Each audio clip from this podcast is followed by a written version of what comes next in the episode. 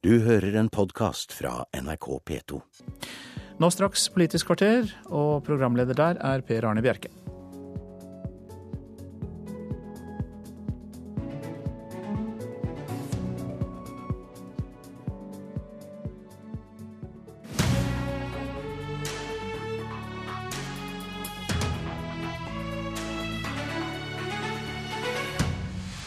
Arbeiderpartiet vinneren på meningsmålingene, men hvordan skal Jonas Gahr Støre vinne makten når de rød-grønne spiser hverandre? I går fikk Arbeiderpartiet rekordhøye 37,6% på en meningsmåling som Norstat har gjort for NRK.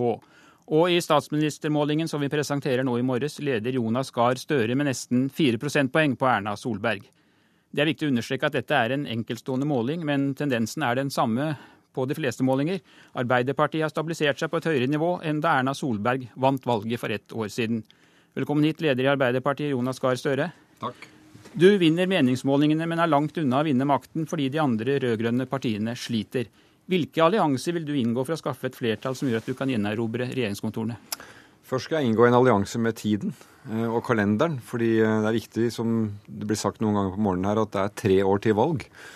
Uh, og Derfor så er jeg veldig avslappet i forhold til det spørsmålet. Jeg mener Dette er den tiden kanskje i vår valgkalender hvor det er mest grunn til å sette seg tilbake og si at nå handler det om å jobbe med politikken, uh, fornye politikken, forsterke politikken, være opposisjonsparti. Uh, og så skal dette falle på plass når vi nærmer oss et valg. Det er riktig at det skjer endringer på rød-grønn side, men jeg ser jo at summen av målinger nå viser jo at forskjellen mellom det du kan kalle ulike regjeringsalternativer, den skrumper inn. Eh, på denne målinga som dere har, så har jo eh, Høyre og Fremskrittspartiet mistet 5% siden valget. Arbeiderpartiet har gått opp en 7 Så det skjer endringer også på tvers av de grensene. Det interesserer jo meg, men som sagt eh, et langt tidsperspektiv. Og jeg bør ikke ta stilling til hvordan eventuelle alternativer skal se ut nå. Du har kanskje noen tanker om det, og Ser du noen i dette rommet du kunne tenke deg å samarbeide med? Ja, det gjør jeg. Og jeg sier det på den måten at de vi regjerte sammen med i åtte år, godt for landet. Det er vennskap vi skal ta veldig godt vare på, snakke godt med. Og så er jo regjeringspartiene er jo våre naturlige politiske motstandere. Alle andre partier på Stortinget er det naturlig for Arbeiderpartiet å snakke godt med. Jeg respekterer jo at Kristelig Folkeparti og Venstre har en samarbeidsavtale med regjeringen. Den har de inngått, og den tar de ansvaret for. Nå kommer budsjettet i høst, og så får vi se hvordan det er. Men det er jo vanlig i et parlament at vi snakker godt sammen, ser hvor det er mulig å finne flertall for, for gode løsninger, og den samtalen kommer Arbeiderpartiet til å være med på. Marit Arnstad, parlamentarisk eh, leder i Senterpartiet. På denne siste målingen så går dere tilbake, og ser vi på snittet for august, så ligger dere omtrent på samme, samme nivå som et ganske dårlig valgresultat. Når SV i tillegg ligger godt under sperregrensen, så er vi nokså langt unna et rød-grønt flertall. Hvilke allianser mener du at dere må inngå fram mot eh, neste valg? For det første så tror jeg nok at Jonas har veldig rett i at eh, det som de fleste partiene er opptatt av nå i opposisjon, det er jo å bidra til å fornye og utvikle det politiske grunnlaget til hvert enkelt parti. Og at vi har ganske god tid eh, på det som skal skje i norsk politikk framover. Eh, men det er klart at vi hadde, vi har gode erfaringer i det rød-grønne samarbeidet med Arbeiderpartiet og SV. Eh, og ser, vi, ser også i Stortinget nå etterpå at vi, at vi sitter på en god del politisk fellesgods som vi forvalter i fellesskap. Samtidig så er det jo sånn at Senterpartiet er jo et sentrumsparti. Og vi ser jo også at sentrumspartiene har eh, et politisk fellesskap historisk med Arbeiderpartiet i Norge som er interessant. Eh, det har nedfelt seg i en rekke forlik når det gjelder den økonomiske politikken økonomisk fordeling, bistandspolitikk, flyktninger og eh, asylsøkere. Eh, distriktspolitikken, kommuneøkonomien, altså landbrukspolitikken. Jeg kan nevne en rekke saker der det også er et stort fellesskap mellom sentrum og venstresida.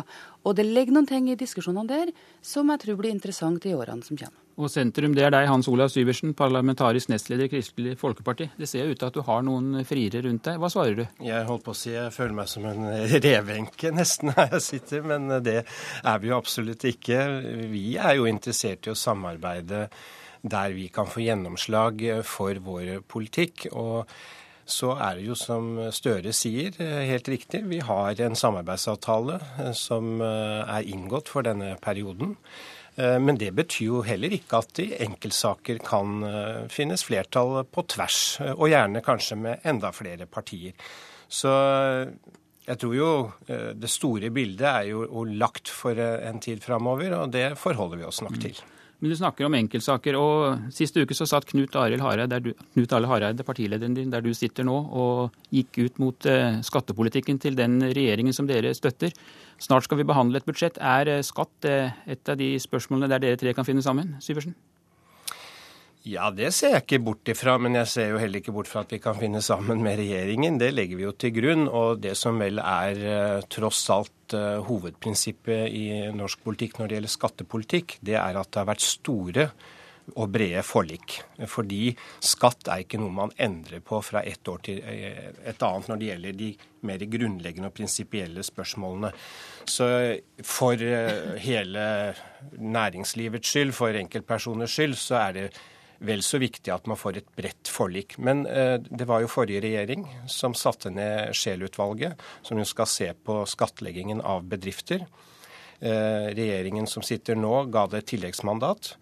Eh, men det satt, og de kommer med sin innstilling i desember. Og da er vi veldig åpne for at vi i fellesskap skal finne veien videre for skattepolitikken ikke minst fordi andre land rundt oss nå reduserer selskapsskatten i stort monn.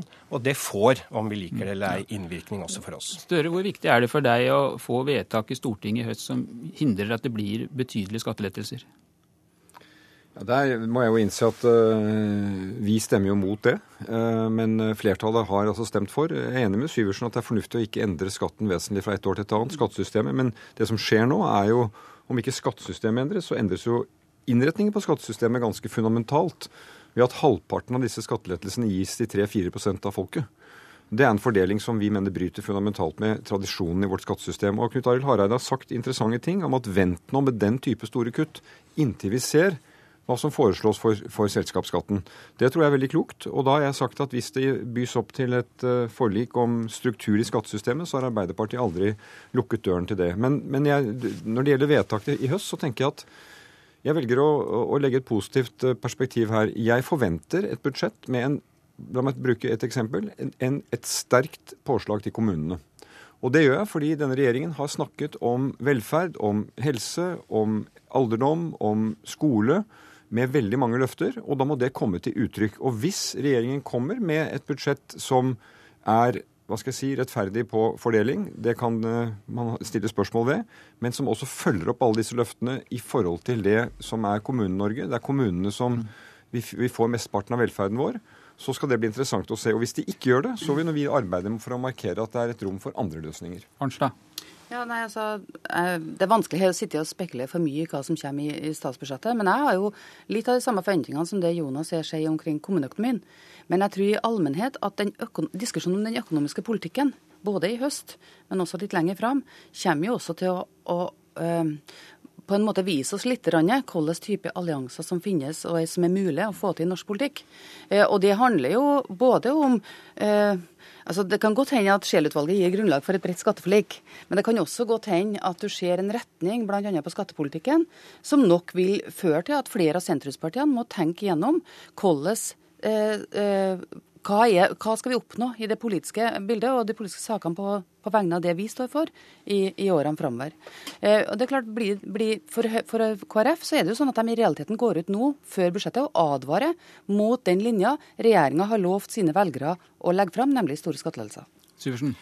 Vi har sagt at uh, man må ikke bare stirre seg blind på skattelettelser. Fordi, uh, som også det er nevnt her, vi har mange utfordringer uh, når vi skal legge et budsjett. Og i samarbeidsavtalen så er det jo også mye som er prioritert. Kamp mot barnefattigdom f.eks. Sørge for at kommunene kan gi de tjenestene de skal. og vi ser jo også at vi er på etterskudd når det gjelder sykehjemsplasser. Det fikk vi jo sett nå. Det gikk heller ikke så greit med forrige regjering. Så her har vi mange oppgaver å ta fatt i. Så La oss nå se hva budsjettet inneholder, men vår forventning er klar. Det må ikke være en sånn ubalanse at det synes som om skattelettelser det er det eneste eh, den sittende regjering prioriterer. Så vil jeg også si når det gjelder Men der ga du vel egentlig en klar beskjed til Siv Jensen om hva hun ikke får flertall for? Ja, Samme som Knut Arle Hareide sa for eh, fem dager Jeg bare siden. sier at det må være en god balanse i dette. fordi vi kan ikke stirre oss blind på at skatteletter er det eneste som skal sitte igjen eh, fra et budsjett. Når det gjelder selve formuesskatten, så la oss, hvis vi legger retorikken litt bort, så er vi vel alle enige med at den har sine utfordringer. Det har Lisbeth Berg-Hansen i Arbeiderpartiet sagt i sommer. Det er egentlig Senterpartiet og KrF enige i hvordan innretningen burde vært når det gjelder formuesskatten.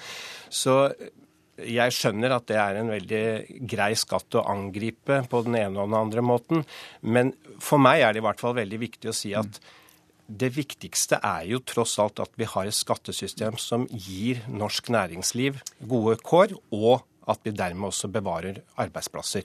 Eh, Og så får vi se hvordan vi danderer det. Arnstad kort. Budsjettpolitikken og den økonomiske debatten i høst blir viktig. Men det er klart at det som skjer av samarbeid og politisk utvikling i komiteene i Stortinget i, de neste to årene, blir også svært avgjørende. Og det fellesskapet som de ulike partiene kommer til å føle eh, med hverandre, f.eks. i næringspolitikken, f.eks. når det gjelder frivilligheten, f.eks. når det gjelder miljø og energi, det kommer også til å være viktige eh, pekepinn for framtidig samarbeid mellom partiene. Støre, er det det som skjer i Stortinget i høst som skal danne grunnlaget for den strategien du etter hvert er nødt til å velge? Det er en del av det, men, men jeg forsøker å si at, eh, at dette er den beste tiden i kalenderen for at partiene også kan jobbe veldig bredt, eh, hente inn nye innspill, nye inspirasjoner. Ikke stirre seg blind på gamle løsninger. Eh, Jeg er helt åpen for å si at innenfor eldrepolitikken så mener jeg vi gjorde store løft i regjering på kvalitet, fornyelse. Men vi har en utfordring i å få til at det blir bygget nytt. Og det er veldig stor utfordring for hele Norge. fordi at eh, vi skal møte en utvikling med flere eldre fra rundt 2020. Det kan ta opp mot fem år å bygge en plass, og da, da er vi akkurat her nå. Så her må vi se med åpne øyne på det. Og, og, øh, og, og det er slike ting, spørsmål vi nå jobber veldig aktivt med. Og så vil jo denne høsten som sagt varsle et nytt budsjett. Eh, Jeg er helt enig med Syversen at næringslivet skal ha forutsigbare eh, rammebetingelser. Det er jo ikke bare én skatt, altså selskapsskatten vi nå hører om som er avgjørende. Det er, det er helheten i systemet. Og jeg må jo si at det vi så i det forrige budsjettet, var at det denne regjeringen prioriterte på denne skattelettelsen gjennom formuesskattnedsettelsen til de rikeste, det var ti ganger mer enn de brukte på de andre områdene som de foreslo. Okay. slik at det har dominert helt, ja. iallfall deres prioriteringer til nå. Der fikk du siste ordet i denne runden, eh, Jonas Gahr Støre. Over til deg, politisk eh, kommentator eh, Lars Nehru Sand. På nesten alle målinger, også denne siste fra Norstat, så har regjeringen flertall sammen med Venstre og KrF.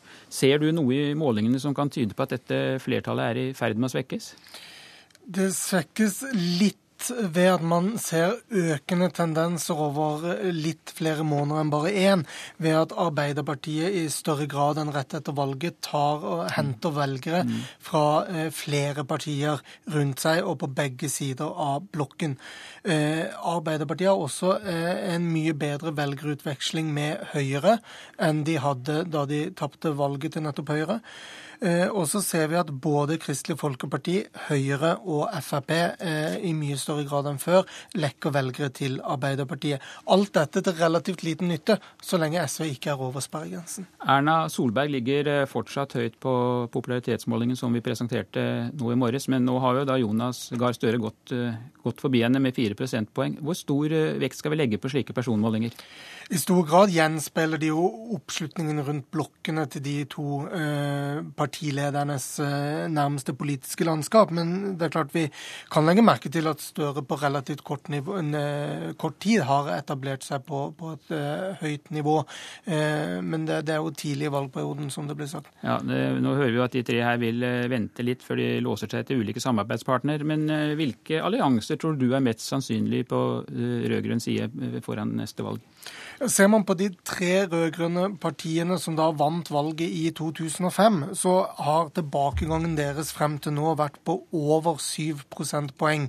Eh, Det vil si at eh, Arbeiderpartiets to gamle venner ikke er nok til å stole på for å nødvendigvis kunne danne et flertall i 2017. Og da må Støre se seg om etter nye venner. Han nevner både Kristelig Folkeparti og har tidligere snakka om at det er naturlig å nærme seg Miljøpartiet De Grønne.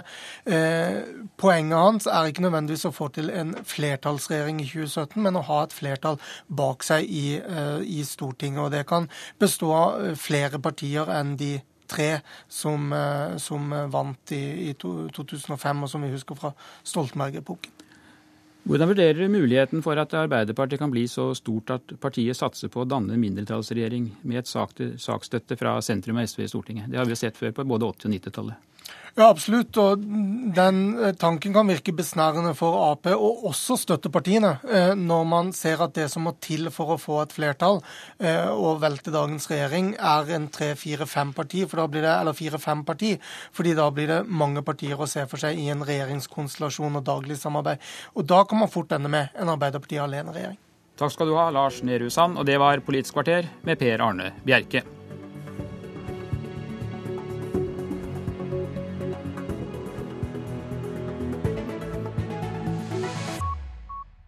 Du har hørt en podkast fra NRK P2.